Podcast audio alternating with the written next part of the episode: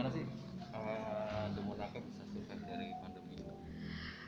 cari inspirasi dan ide-ide dan konsep baru sih kalau menurut saya. Soalnya market itu sebenarnya cuma udah ada tetap ada nggak hilang. Cuman sedikit berbeda dengan kita biasanya saja. Jadi tugasnya kami dari manajemen The Monaco kita harus menggunakan konsep-konsep yang unik dan bagus. Dan istilahnya memenuhi protokol covid sih kalau menurut saya. Gitu. Terus kemarin uh, ada sedikit story yang mungkin bisa diceritakan gitu Iya. masa pandemi datang itu pertama kali kemudian uh, Dem- Demonaka melakukan apa? yang pasti dulu saat pandemi menyerang kita sempat tutup selama dua bulan lalu kita buka lagi kemarin Juli awal nah saat kita buka pun sebenarnya luar dari ekspektasi kita. Kita pikir mais itu tidak bakalan ada.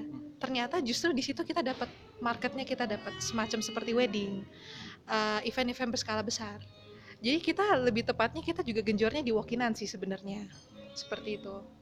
Kemudian kemarin sempat akhirnya bagi-bagi sesuatu ketika bagaimana mas? Sempat ada yang berbagi sesuatu ketika Oh. tutup itu raw material kita kita masak itu loh kak terus kita bagi-bagi ke sesama oh iya. Nah, iya seperti itu ya? menarik. Oke, oke. Ceritanya gimana? Eh, waktu itu kita sempat ya karena kita mau bagi berkat juga ya. Jadi kita masak dari kitchen kita dengan apa yang kita punya.